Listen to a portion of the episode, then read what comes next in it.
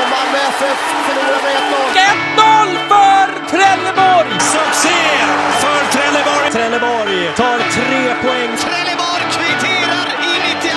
Det är ett lag som aldrig ger sig. Seger till Trelleborg. 2-1 Trelleborg! Trelleborg vinner. Trelleborg vinner. Trelleborg vinner. Vi har sagt det förr i serien. Trelleborg är bäst.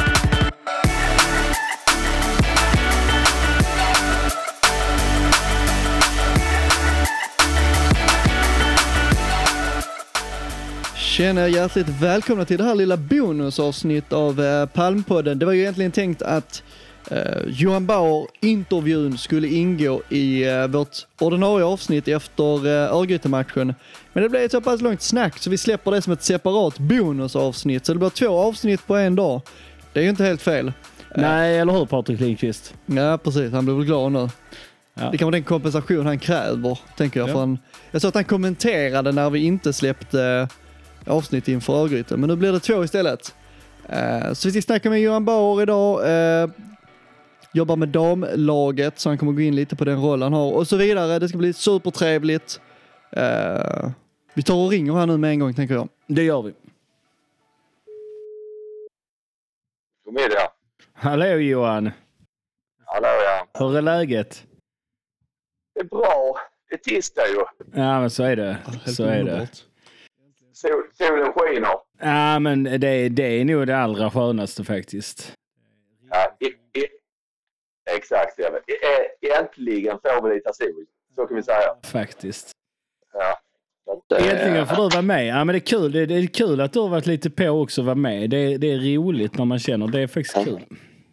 Mm, ja, det är bra ju.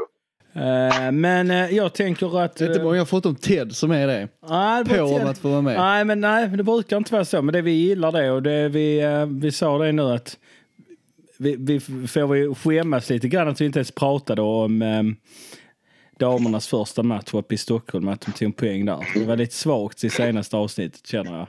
Ja, det, det minns jag ni. Ja, det gjorde vi. Ja, det var svagt faktiskt. Men det, vi, vi, vi, vi kan konstatera att vi kommer inte eh, missa att prata om matchen i, i, eh, i lördags, för det var för jävla bra. Ja, ja men det är kul. Det är kul. Så att, eh, att inte missa. Det är lätt att missa saker. Det vet man. Ja. Lite så här, vad ska man kalla din roll i TFF för damerna? Ja, men de... Eh, det började, inledde egentligen med lite med koordinator när jag liksom där med vägen mellan laget, truppen till eh, Mattias och övriga kansliet. Men senast, eh, sedan ett år tillbaka kan man säga, ja, egentligen när vi gick in 2022 så gjordes ju eh, rollerna lite om. Så att, eh, så att jag är ju på pappret sportchef dam kan man säga. Mm. Så att, eh, men jag har ju inte alls den typen av befattning om man säger som Salla har på här sidan. Utan min, ja, min, min roll är ju att jag har ansvar över eh, truppen och staben runt damlaget. Så det, där, där ligger min bit. I, man säger på här sidan så ligger ju, har ju Salle helt, han har ju betydligt fler arbetsuppgifter. Ja, han är ju anställd av klubben på ett annat vis. Men, men, eh, men som, för er som kanske inte har följt damfotbollen lika nära som jag har gjort. Jag har haft turen att göra det. Har ju fått lära känna dig på, på ett annat sätt kanske än många andra. Vi har suttit och diskuterat fotboll många gånger uppe på Vångavallen tillsammans med damerna har spelat. För er som inte vet så har Johan Bar en väldigt stor del i damernas utveckling måste jag säga. Um, kan du berätta lite grann om när du tillträdde och, och, och, och hur du känner att utvecklingen har skett sedan du... Ja men absolut. Det, det var ju, vi ska säga vilket år det var. Det var ju det året damlaget eh, gick, skulle gå in i division 2. Eh, Så att det bör ju vara en eh, fem, sex år sedan ungefär. Vi hade fyra år i ettan och ett år i tvåan. Så det är ju fem år sedan kan man säga. Och, och då, jag, det var egentligen på bananskal för att det var ju när min dotter lämnade LB07 för att flytta hem och spela i Trelleborg. Och, eh, och då fick jag frågan av Mattias att eh, då kan du också bli lite engagerad. Så då, då började jag egentligen som lite hjälpreda på träningar. Jag hoppade in där lite som assisterande på något vis. Det var på den tiden Mats Nilsson var tränare. Eh, eh, Och då, eh, så egentligen så det började. Och sen kom jag, sen redan där till sommaren i division, under division 2 så eh, blev det ett tränarskifte och då tog eh, Hans Malmgren över. Och då, då hade jag lite med, då, då var jag lite assisterande till han och hjälpte på planen på ett annat sätt. Och sen har, du, sen har jag efterhand, kan man säga när vi gick upp i division 1, har jag, var jag rätt tydlig med att jag ville ju inte vara på planen vara någon del av staben då, man, då jag hade, hade en dotter i laget. Eh, Så att det var egentligen då det började utvecklas att jag skulle jobba med spelarrekryteringar eh, och hela den biten. Och, och bygga successivt ett, ett lag som vinna division 1. Och, eh, och det är klart med min bakgrund eh, inom damfotbollen som egentligen handlar om på grund av att man har haft en dotter som har spelat. Annars hade jag aldrig kommit in i damfotbollen som jag har gjort. Och, och då blev det ju att ja, det blev mycket spelare som man har sett ute på planerna, mött eh, genom eh, i olika sammanhang. Så det var egentligen där vi började bygga laget. Mycket tjejer från LB07 efter Rosengård, de som inte riktigt lyckades ta stegen in i deras senior, alltså i A-lagsverksamhet. Och eh, det är egentligen så. Och sen har det utvecklats. Sen har ju min boll utvecklats ju eh, under, egentligen för varje år. Och vi har ju kommit närmare och närmare eh, att sätta det här året med rätt typ av trupp och rätt typ av eh, spel om man säger. Och det gjorde vi då förra året. Så att det, var, så att det är egentligen, det är egentligen så som det har gått till. Utan vi har försökt att utveckla truppen och ledarsidan och stabssidan för varje år. Eh, sen har det varit ett par problematiska år där vi hamnade i ett, ett pandemiår och halv säsong och kanske det året kanske vi hade ett ännu bättre lag än vad vi hade förra året. Då blev det ju liksom bara tio matcher och då blev det lite hasardspel. Eh, det året Borgeby vann ju och vi blev trea. Och Det var skilda en, två poäng och över, hade det varit en full säsong där så tror jag att vi hade vunnit redan då för två, tre år sedan. Och gått upp. Ja, Men, eh, och den här covid-säsongen som du pratar om, otroligt märkligt. Spela en enkelserie där det verkligen blev lite så do or die varenda match. Och det, alltså det var helt sinnessjukt när man gick upp och tittade på, på de här matcherna. Man bara så här, alltså det, det, det var så konstigt att varje match betydde, det var ju en häftig känsla för att man var inte van vid den liksom. Men, Nej, absolut inte. Va? Men, det, var, eh, men det blev cup- det blev ju cupmatcher varje vecka. Och dessutom det året så, så hoppade ju Asarum av. Och, och, så att vi var bara 11 lag så var det ju liksom 10 matcher vi fick. så att det var ju, eh, jag tror vi tog eh, 26 poäng och blev trea eller något sånt av 30. Ja, Det är, ju, det, det, det, det, är ju, det helt galet liksom. Och, och efter det så hade ni väl en, säs- ytterligare en säsong va, i division 1? ett mellanår kan man säga. Vi, vi, vi tappade lite spelare där. Eh, vi hade ju spelare som bland annat Elina Linné gick upp till Jitex så vi tappade lite. Så vi, vi behövde bygga om igen och då, vi, vi fick ett mellanår där skulle jag vilja säga då 2021. Eh, landa på sjätte plats eller fem, femte plats då. Eh, och då. Och då satte vi oss ner och sa nu, nu måste vi bygga för ta det. Nu måste vi ta steget upp och, eh, och då fick vi ihop det. Eh, och nästa år kändes, massa, året efter eh, 2022, eh, det kändes som att det var vårt år. Vi hade det där lilla, vad ska man säga, de matcherna stod och vägde, de vann vi. Eh, vi fick in rätt typ av spelare. Och, eh, ja, så att det blev ett bra år ju, eh, till slut. Ju. Så att, eh, Ja men det får man väl ändå Om man, säga. om, man, om man stannar till där och konkretiserar lite, om man tittar då 2021 som du säger att det blev lite mm. femma, sexa där. Eh, vad, vad skulle du säga, du sa att ni hade lilla extra där 2022 sen. Vad skulle du säga Mm. rent konkret var skillnaden där mellan 2021 och 2022 som liksom spetsade till det? Mm, nej, men vi fick ju vi hade ju, vad ska man säga, eh, 2021 så gick ju Borgeby, de vann ju det året, pandemiåret och då började de ju plocka till sig spelarna i vår region. Då, då var de, blev de ett elitettanlag och eh, vi var ju på samma spelare. Så att där var utbudet för spelare i 21 var väldigt dåligt. Och sen åkte Borgeby av och då kunde vi ju få till oss de spelare som vi ville ha redan året innan. Så då fick vi, då fick vi ju ner Saga Ollerstad, Matilda Andersson, Tilde Olsson, Alice Egnér Eh, vi fick ju till oss de här spelarna som vi egentligen ville ha redan året innan men inte fick på grund av att vi låg i en lägre serie. Så att eh, det var egentligen den stora, stora skillnaden skulle jag vilja säga. Och eh, att vi fick till oss, plus att vi fick en bredare vi, vi kunde laborera, vi kunde göra förändringar under, under, eh, under veckorna till varje match. Ändå var vi lika starka. Vi var inte beroende bara av tio spelare. Så det skulle jag vilja säga var den stora skillnaden. Jag blir lite nyfiken på det här med, du pratar om de här spelarna, ni rekryterar och sånt. På här sidan vet man ju det att det finns liksom nu för tiden väldigt mycket datasystem och, och så här som, som scouter arbetar med för att hitta spelare. Va? Du sa innan att ni har tagit mycket så här spelare som inte riktigt fått chansen i FC Rosengård och så här. Men vad är det, vad är det mer för liksom, eh, liksom källor man vänder sig till för, eh, för scouting? Ja, men alltså, då, alltså, när man jagar division 1-spelare så blir det mycket lokalt.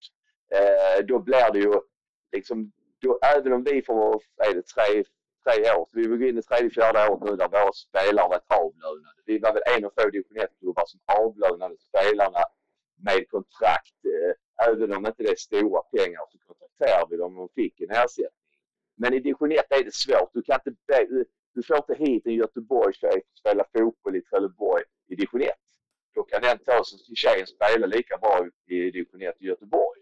Så att man behöver komma... Så rekryteringen av spelare upp till division 1, ja, då är det i närområdet man tittar.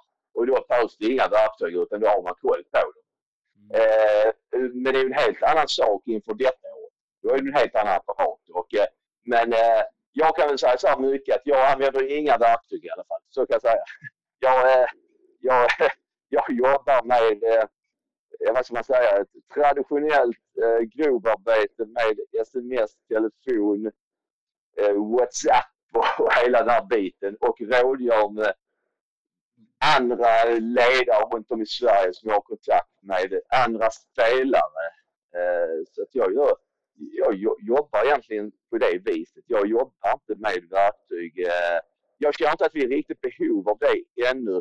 Inte så länge inte våra eh, damspelare är heltidsanställda. Eh, vi måste jobba på ett annat vis jämfört. Så det är väldigt stor skillnad mellan här och dag hur man jobbar i rekryteringsfrågan och vilka möjligheter och förutsättningar man ger spelarna för att komma hit. Men du jobbar lite mer nationellt nu antar jag, det är inte, det är inte lika lokalt längre. Nej, nu är det ju verkligen och det har ni väl kunnat se att vi, vi har eh, men en tjej från Norrköping, eh, två från Borås, en från Göteborg. Jenny är från USA. Eh, hon kom förra året. Och sen tog vi hem eh, Elina Linné och Hanna Persson från Uppsala. Men det är ju tjejer som är från Vellinge respektive Malmö. Så att så vi, det är klart att vi har ju jobbat och tittat på spelare längre upp. Längre upp och jag har haft såklart haft kontakt med andra spelare också som kommer upp ifrån landet. Och då, då är det ju elitettan och allsvenskan man tittar på. Så kan man säga. Och då är det ju... Sen ska det är många parametrar ska passa in. Du ska få en eh, spelare att flytta ner här där hon är tvingad att plugga eller jobba bredvid. Hon ska ha en boende, eh, klara av ekonomin och bo massa hemifrån.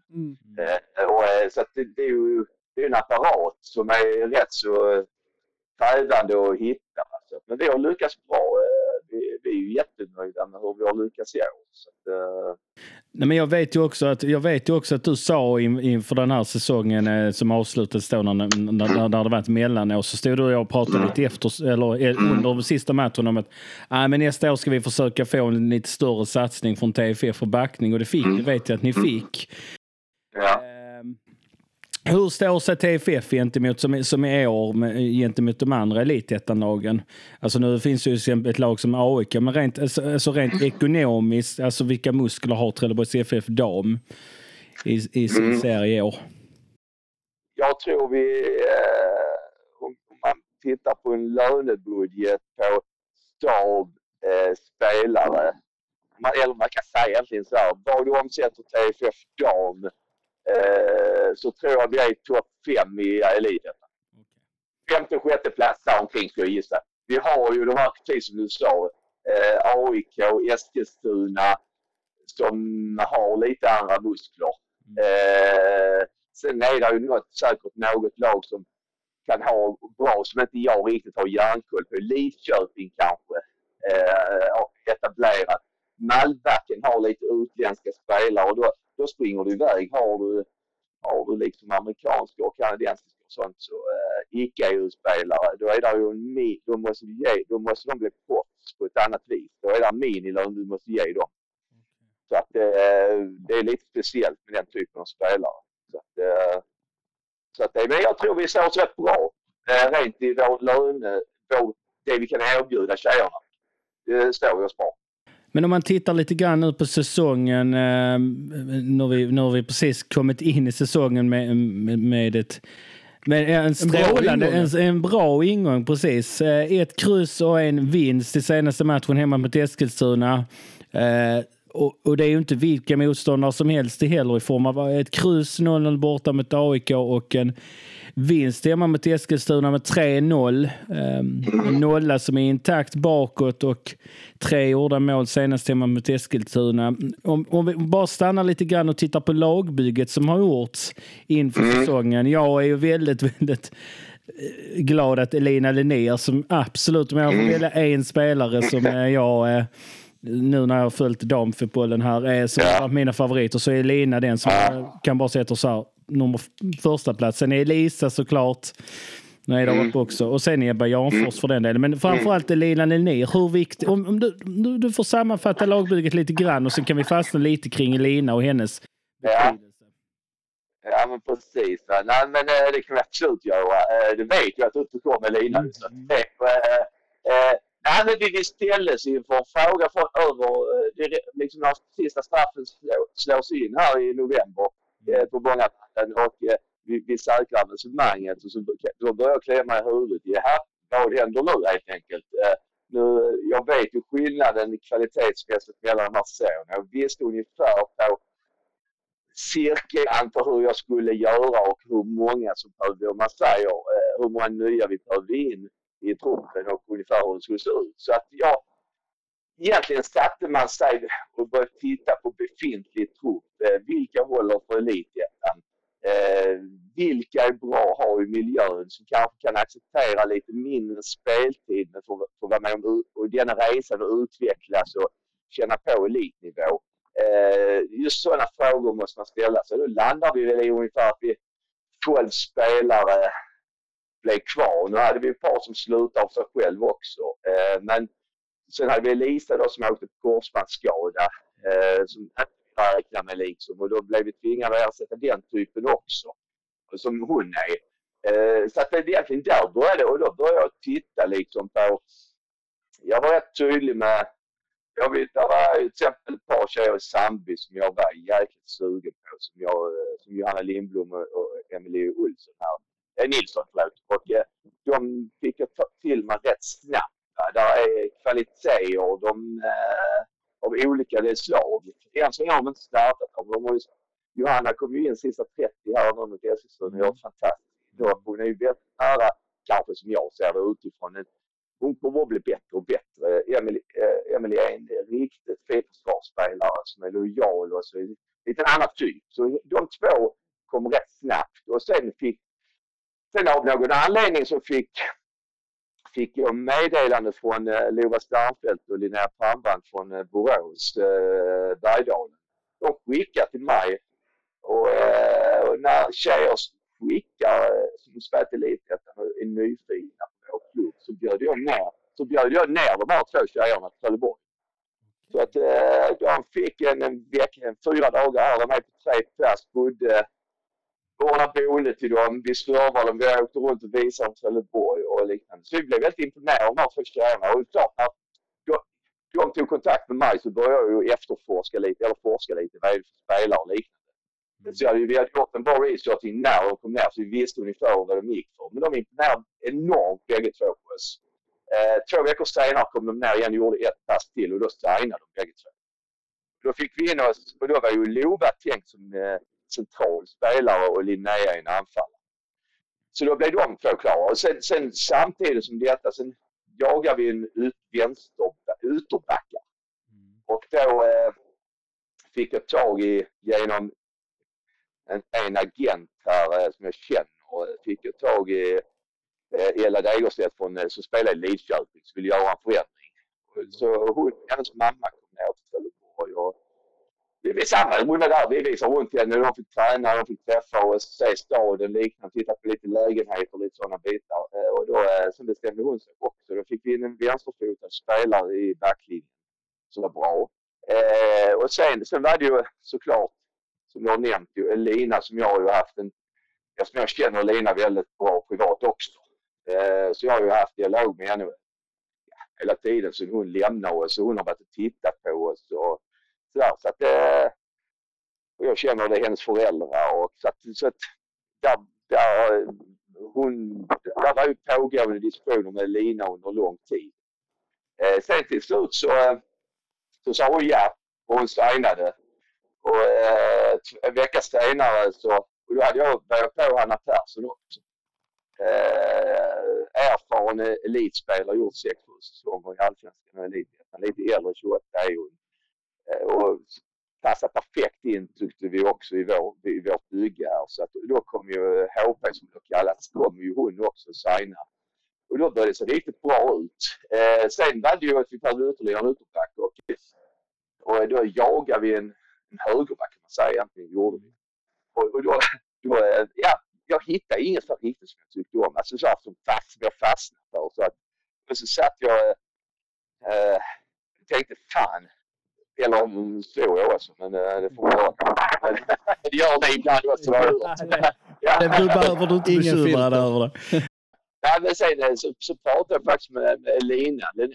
Eh, Sa jag, eh, Olivia Slid i Itex. Jag hade sett ett par matcher med henne. Jag tyckte hon var intressant. Då sa jag, berätta för mig om Olivia. Du har ju spelat. Jag vill ha en ytterback till. Ta henne. Hon har varit där fyra år. Hon är extremt lojal och duktig. Alltså jag har sett hon är duktig. Men hon ju som människa. Jättehärlig tjej. Och allting. Så att eh, hon kom också ner och sen tog det två möten med henne. Sen signade hon också. Så att eh, så det är egentligen lite så. Så helt plötsligt så var vi ju var vi uppe i det här numeräret på 22-23 spelare. Och så då en målvakt, Emma Svensson från eh, MFF, som vi signade rätt tidigt också. Vi, vi ville ha tre målvakter.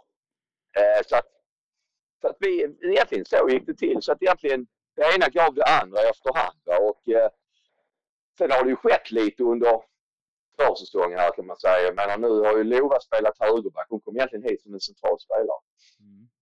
Eh, och, så det blir alltid lite förändringar så. Men, men vi har vi är jättenöjda med hur vi har fått ihop det. Vi har väldigt, jag menar hela vår elva vi startar med mot Eskilstuna är ju spelare med erfarenhet från eliten. Eller högre. Ja, och sen ska vi inte glömma, sen har vi ju, fick vi hem Ebba i somras. Eh, och var väldigt, vad ska man säga, tyckte fotboll inte var kul sista halvåret i AIK. Men hade ändå med sig mycket kunskap eller erfarenhet från, hon fick ändå göra 10-12 allsvenska matcher. Hon, hon kom, så att även, Ebba var inte riktigt så lik i höstas men gjorde jobbet för oss och, eh, och nu har hon verkligen stegrat och jag kanske, alltså hon är magisk i sin roll här nu mot Eskilstuna. Vi har ju sett henne knappt en fot fel på 90 minuter. Så att Ebba Janfors kommer ju liksom bara bli bättre och bättre hon också. Så att, eh, så att alltså, summerar man toppen så har vi vi har en ruggig konkurrens på ett flertal positioner. Eh, alla är friska för tillfället och det kan vara ett litet bekymmer för vi blir till och med tvingade att sätta spelare utanför matchtruppen just nu. Ja, och det är en sån sak som är, det, det är på gott och ont det där med, med, med att ha en väldigt bred trupp. Att Mm. Det kan ju skapa lite osämja och där, där är det ju en där är det ju en fråga för, för ledarstaben och vi kan prata kanske lite kort om den. Hans Malmgren som har lett och haft huvudansvaret för Trelleborgs FFs damlag ett par år nu. Eh, numera assisterande och Joakim Fälldin in. Eh, berätta lite kort, hur kom ni kontakt? Det är ju heller ingen som är från, från Skåneregionen. Hur kom ni i kontakt med honom? Ja, nej, men det var egentligen hela förra året så kontaktade han eh, både mig och Martin Bjärsjö och Salle tror jag det var. Alla tre. Att han, han visste att, de, att han och hans familj skulle flytta tillbaka eller flytta ner till Svedala där hans fru är. Och eh, så han började redan jaga jobb och uppdrag egentligen för ett år sedan. Och sen, ja, lite emot. Vi hade en viss dialog med honom och sen återupptogs dialogen efter sommaren. Så att eh, sen har den ju ökat. Så att, eh, och sen, ja och sen liksom när vi började närma oss slutet av säsongen så blev det ju skarpare och skarpare läge. Och eh, så att, sen har ni, vet ni historien liksom att det var ju, han var ju tänkt i en annan roll från början. Eh, sen blev det ju rockad på grund av de här utbildningskraven som finns på elit, eh, från Elit Dam. Att eh, ha en så som var tänkt som huvudtränare och hade avtal med då så skulle ju Jocke då vara, Thulin vara, vara assisterande. Och eh, sen liksom det är typ, vi får tvärnöd från EFD där då, Elit Dam, eh, att nej det funkar inte så. Ni kan chansa men det kan bli problem för er. Ja vad ska vi göra? Då, då blev vi lite tvingade att tänka om och eh, då landade vi ju liksom i att eh, Joakim då fick ta huvudansvaret och eh, den var jag trygg med eh, utan, utan liksom det var det var liksom ingen fråga när vi blev tvingade till det utan då gick ju frågan till han om han var intresserad av att ta huvudansvaret direkt.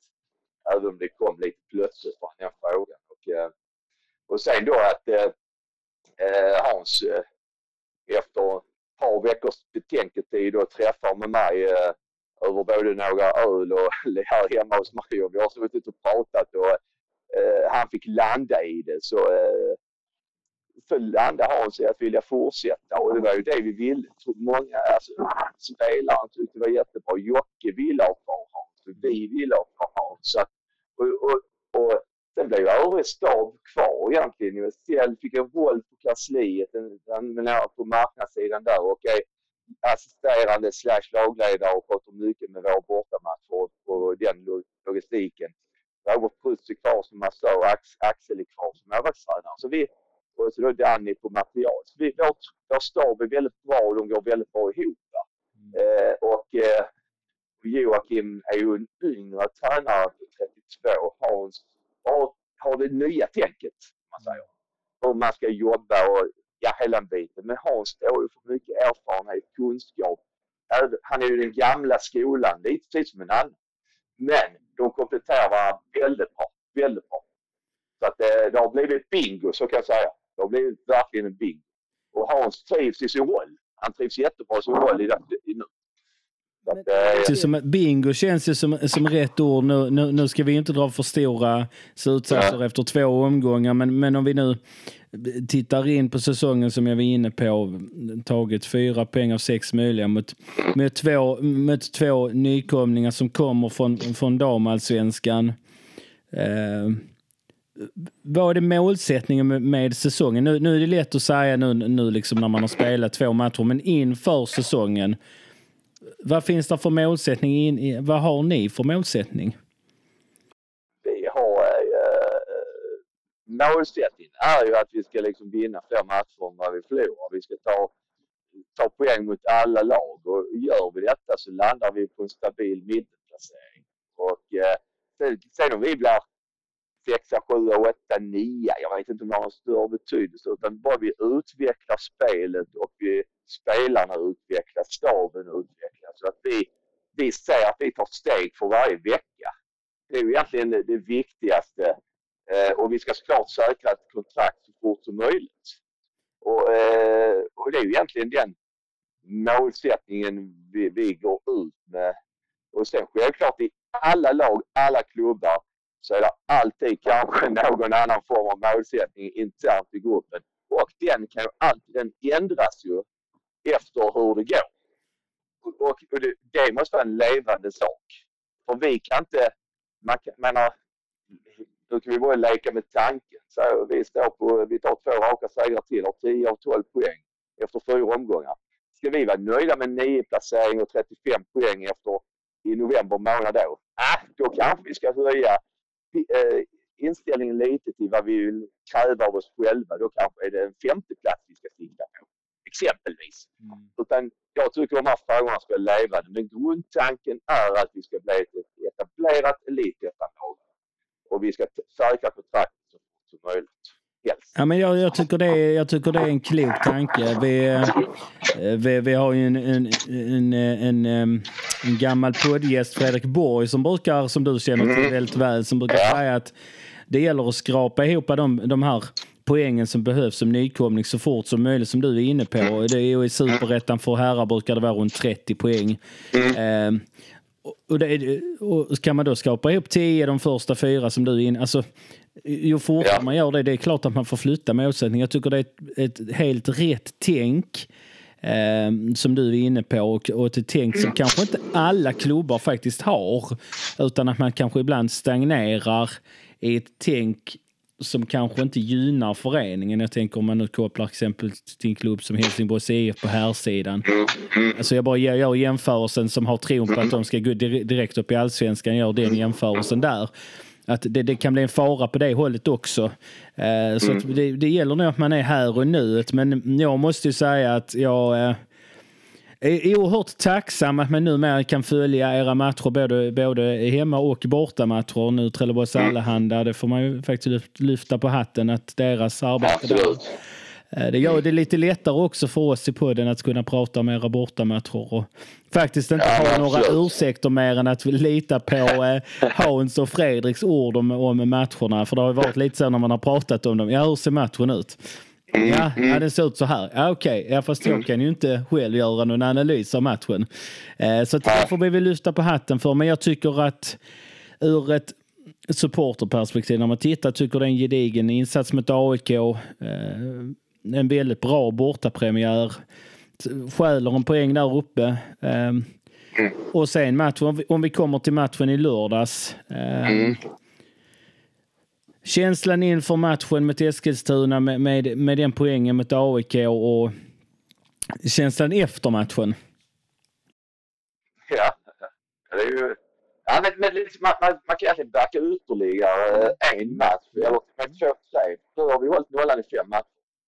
Och, eh, vi har jobbat lite, det har tagit tid för oss att hitta allting under försäsongen. Många har tyckt vi förlorar mot division 1-lag hit och dit. Det har varit sekvenser, vi har blivit bättre under perioderna i matcherna hela vägen. Och när, vi, menar, när vi slår Bromölla och i genrepet och de har ett, en målchans på 90 minuter och vi vinner med 1-0 men det kanske ska bli 3-4. Då känner vi att vi nu börjar saker och ting titta här. Så när vi åker upp till Stockholm så är jag ju, vad ska jag säga, eh, jag är ju inte ett dugg orolig. Vi har är ett jättebra lag, kanske storfavoriterna i den serien. ja. Eh, men vi gör det riktigt bra. Vi sätter vårt presspel här uppe i Stockholm och får med oss den här pinnen. Ja, de har rätt mycket boll, men tittar man på målchanser och situationer som hade varit väldigt nära och blev väldigt bra målchanser så har vi nästan fler än dem. Eh, så att, eh, vi har, precis som du sa, en gedigen bortamatch mot ett topplag direkt. Och det stärkte oss såklart. Eh, Eskilstuna hemma eh, vinner mot Malbacken med 4-1 i sin premiär. Förvisso två mål på stopptid där. Eh, första omgången jättesvårt att läsa av hur bra är Malbacken, hur bra är Eskilstuna. De har gjort väldigt stora förändringar såklart. Eh, eh, sen har de såklart sina 6, 7, 8 spelare som var med och varit med där och spelat i Allsvenskan under ett par år och liknande. Men ändå ett relativt ungt lag. Så jag var Alltså jag, eh, jag sa innan matchen att det är en 60-40 match i, i vår fördel. Och eh, så här, i efterhand så blev det ju lite tydligare. Eh, men jag tror vi, vi sätter ju väldigt många saker i den här matchen. Vi sätter vårt, alltså vi sätter vårt presspel på ett fantastiskt sätt. Vi löper extremt bra och mycket i den matchen. Och till slut vet inte Eskilstuna vad de ska göra när de får bollen. Så att vi gör ju dem, för de är inte så dåliga som vi gjorde vi gör dem väldigt dåliga i denna matchen. Och, eh, och ska man vara helt ärlig så kanske det ska bli fem istället för tre. Om vi har lite bättre utdelning. Och, eh, sen kan jag tycka det är rätt bra att det inte springer iväg. Så, det, är, det är ju liksom 20, eh, vad är det, det är ju rätt många omgångar kvar. 23 omgångar kvar eller något sånt. Så jag menar, vi ska inte springa iväg här för att vi gör en jättefin kollektiv insats här mot det var en underbar hemmapremiär. Vi bjöd Trelleborgspubliken på en underhållning. Fart, fläkt, mycket målchanser och en härlig inställning. Eh, vi har fem byten. Alla kommer in och gör det jättebra. Så att det, så man, man gör det så pass bra så jag tror att Trelleborgarna börjar få upp lite intresse för oss. Ja, men det får man väl ändå säga. Om vi, om vi nu pratar lite grann, vi, bara, vi ska inte fördjupa oss för nu, nu har vi fokuset på damlag, men tittar på ganska sviktande siffror för herrlaget.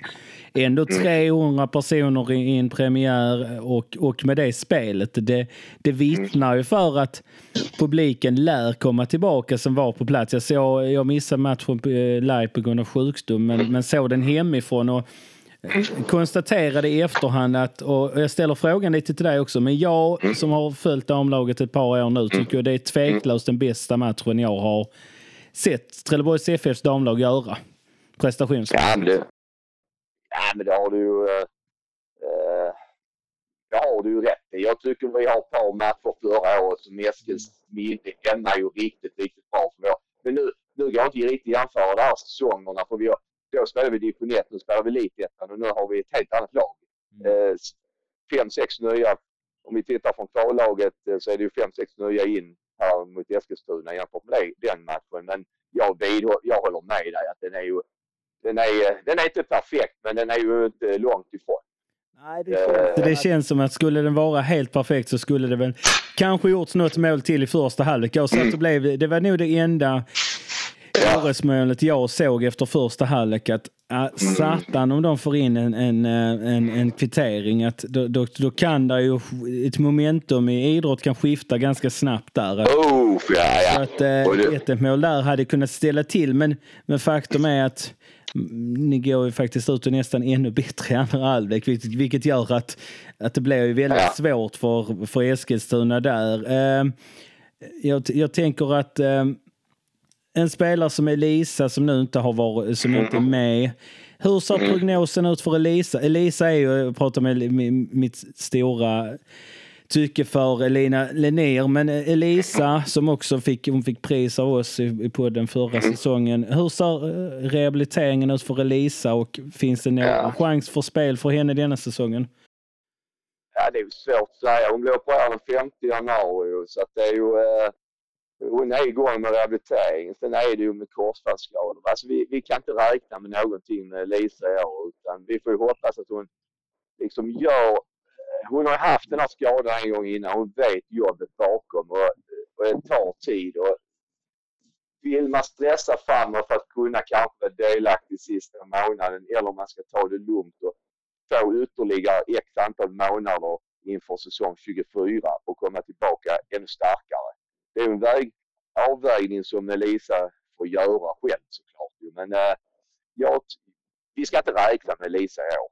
Utan vi får se att hon kommer tillbaka starkare än någonsin nästa år. Då har vi ju ett fantastiskt nyförvärv in på banan igen och in i truppen såklart. Tittar rent generellt, så titta lite publiksiffror i Elitettan överlag så är det, är det faktiskt en bra publiksiffra. Eh, om man tittar rent generellt. Ja, det är näst högsta. Näst högsta och vi har varit, eh, Trelleborgs FF har stått för de två största siffrorna. AIK borta och Eskilstuna hemma. Ja, och det är, det är otroligt kul. Eh, hoppas att ni som inte var där sist, inkl- inkluderat mig själv, tar sig dit där och tittar. Eh, tittar nästa hemmamatch som ni har. Eh, du får hjälpa mig med datum här. Ja, vad blir det? Det blir den eh, tredje, fjärde, femte, sjätte, sjätte tror jag. Sjätte maj. Vi har ju, vi har ju nu IK Röse borta i Uddevalla till helgen och sen har vi Sundsvall därefter. Vi har ju två bortamatcher i rad nu. Eh, och sen då är det Lidköping eh, hemma den, ja, man spelar den 6 maj. Lördagen den 6 maj. Ja, det är perfekt. Eh, en lördagsmatch igen på hemmaplan. Eh, hoppas att vädret kan, kan vara likt det idag så, så, så tycker jag att vi kan pumpa upp den här publiksiffran några hundra till. Känns, som- känns som sagt, som jag sa eh, efter, efter den insatsen senast hemma så känns det som att eh, såg man matchen som jag gjorde vid en strömtjänst så tycker jag att, då tycker jag att man ska ta sig dit och titta. För att, eh, Ja. Ja, men absolut. Ja, ja, någonstans mellan 400 kanske. Lite av 400, 500. Det är svårt att säga. Men vi, man säger, vi, vi eh, tjejerna gör vad de ska på, på planen och sen får man se vad vi kan, eh, hur mycket folk som väcker intresse. Sen är det så, ju fler poäng vi tar, eh, desto mer som spännande tror jag folk kan tycka att det kommer upp och, och se oss. Men det är så här, vi kan inte påverka det utan vi, vi gör vårt. Om man säger. Men man måste ju ändå ställa frågan lite så här rent hypotetiskt. Nu, Du har gjort ett strålande jobb måste jag säga för, för eh, Trelleborgs FF Dam. Om det skulle komma en fråga om ett herrlag eller på herrsidan och bli sportchef där. Hur, hur, sk- hur skulle du ställa dig till det? Jag tänker att om det ger ringar på vattnet i ditt arbete. Skulle du kunna tänka dig jobba med ett herrlag eller det du känner liksom att di- ditt intresse ligger i damfotbollen? Det är väl Hans som har varit väldigt tydlig med att han inte eh, Nej, Hans har varit väldigt tydlig att han... han eh, stannar på damsidan. Ja. Liksom. Ja, ja precis. ju. Ja, det skulle vara med gisslan och sånt kommer. Lilla Beddinge. Kan man komma och... Nej, men jag, jag har inget... Eh, nej, det har jag inte. Jag har ju egentligen... Jag menar, jag gör ju... Alltså jag har ju ett civilt jobb. Alltså jag, jag, jag kommer aldrig liksom... I dagsläget så, liksom, så har jag det jobbet och skulle jag lägga flera arbetsuppgifter på mig i en sån här roll så kommer inte jag kunna utföra det. Utan då måste man hitta en annan lösning och det kanske man, det kommer att behöva över tid. Jag är ju jag, jag gör det ju på fritiden kan man säga. Så att jag, jag, eh, nej, jag, jag sa blankt nej på det. Eh, att eh, jag har inte den ambitionen eller intresset. Jag har ju tappat kunskap om herrfotbollen på det viset också. Utan min, min, min, säger, min spetskunskap inom detta området är ju på damfotboll. Så att eh, jag tror inte jag gör så stor nytta på eh, herrsidan faktiskt. Men man måste ändå, man måste ändå liksom så här gilla det jobbet du gör. Lite så här, det, det blir ju som du säger, det blir ett annat sätt när man jobbar inom damfotbollen och, och lite så här att det, det blir lite old school, men det blir ju mycket mer gediget känner jag rent så här. Alltså, men nu, nu finns det Y-scout och det här som, som, eh, som är, används inom herrfotbollen och säkert även på damsidan. Men det, det blir ju ett väldigt gediget eh, scoutingprocessarbete och så här när man liksom får höra sig för. Och samtidigt också ett litet chanstagande såklart, men, tr- men träffar det rätt så, så, är, så är det ju otroligt jävla roligt på ett sätt. Att, att det här Ja. sättet fungerar fortfarande, att inte det, alla de här digitala verktygen eh, inte alltid är, är de bästa liksom. Det, det är ju, alltså det blir ju lite så här att man, vad ska man säga, jag tar hellre spelare som är några procent sämre än någon annan. Men denna människan som är lite sämre är betydligt bättre som person. Eh, för över en säsong, du ska fungera i omklädningsrum, buss, bussresan till Stockholm, du ska fungera på hotellet. Alltså, får du in fel människa i gruppen kan fördärva väldigt mycket. Och det är lite, är lite skillnad på här och damfotbollen. Här är lite, där tänker man lite annorlunda. Då är det kvaliteten man tittar på. Eh, Vi tittar ju mycket på vad det är för typ av människor.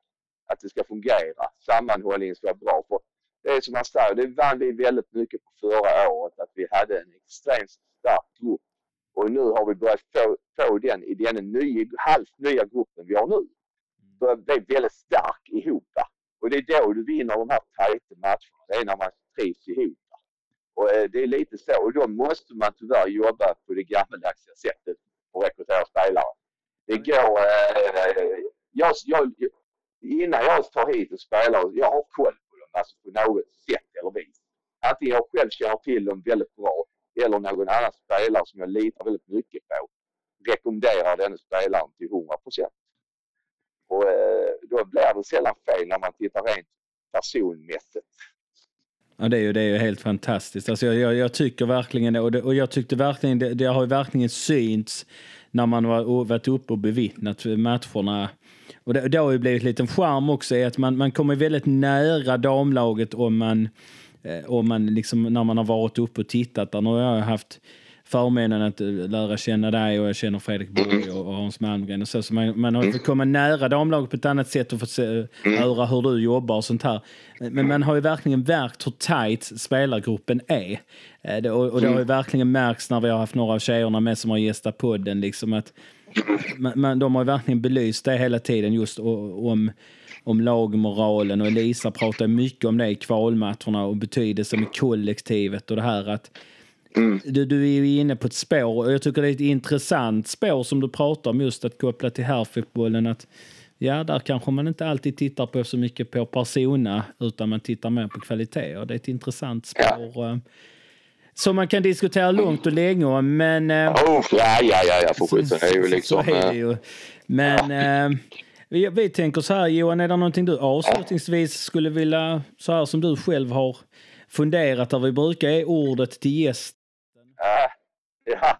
nej, nej, det, det, jag tycker det är en trevlig podd. Jag lyssnar ju när ni släpper nya och det är intressant. Och, högt i tak och eh, trevliga frågor och inlägg. Och, eh, ja, det är kul. Det är liksom, eh, det väcker intresse för en klubb när man, eh, som nu ni två gör, en sån här trevlig grej. Och jag tror det är, det är lite framtid också med sådana här saker. Och jag tycker det är jättekul att lyssna på. Så det är ju, eh, ta på hörlurarna och ta en promenad och lyssna på er podd. Det ska jag får ju lyssna på igen nu i alla fall. Ja, men själv är. Ja, nu, vi har startat bra här. När vann igår jättebra. Fick de lite arbetsro, kan börja bygga vidare. Förhoppningsvis få lite tillbaka lite frisk. Dansk kommer tillbaka, Mortensen och Felix, Felix blir frisk igen helt. Så, nej, de kommer också komma igång. Jag tror det ser det så bra ljust ut för året. Året kan bli bra för klubben. Ja, men vi, Det hoppas vi. vi, vi kör på det och vi kanske får anledning och att du får komma tillbaka och gästa på den i slutet på säsongen. Det har varit superkul ha med dig Johan. Ja, Där vi kan, ja, kan ja. summera säsongen lite grann. Tycker vi kör på det. Ja.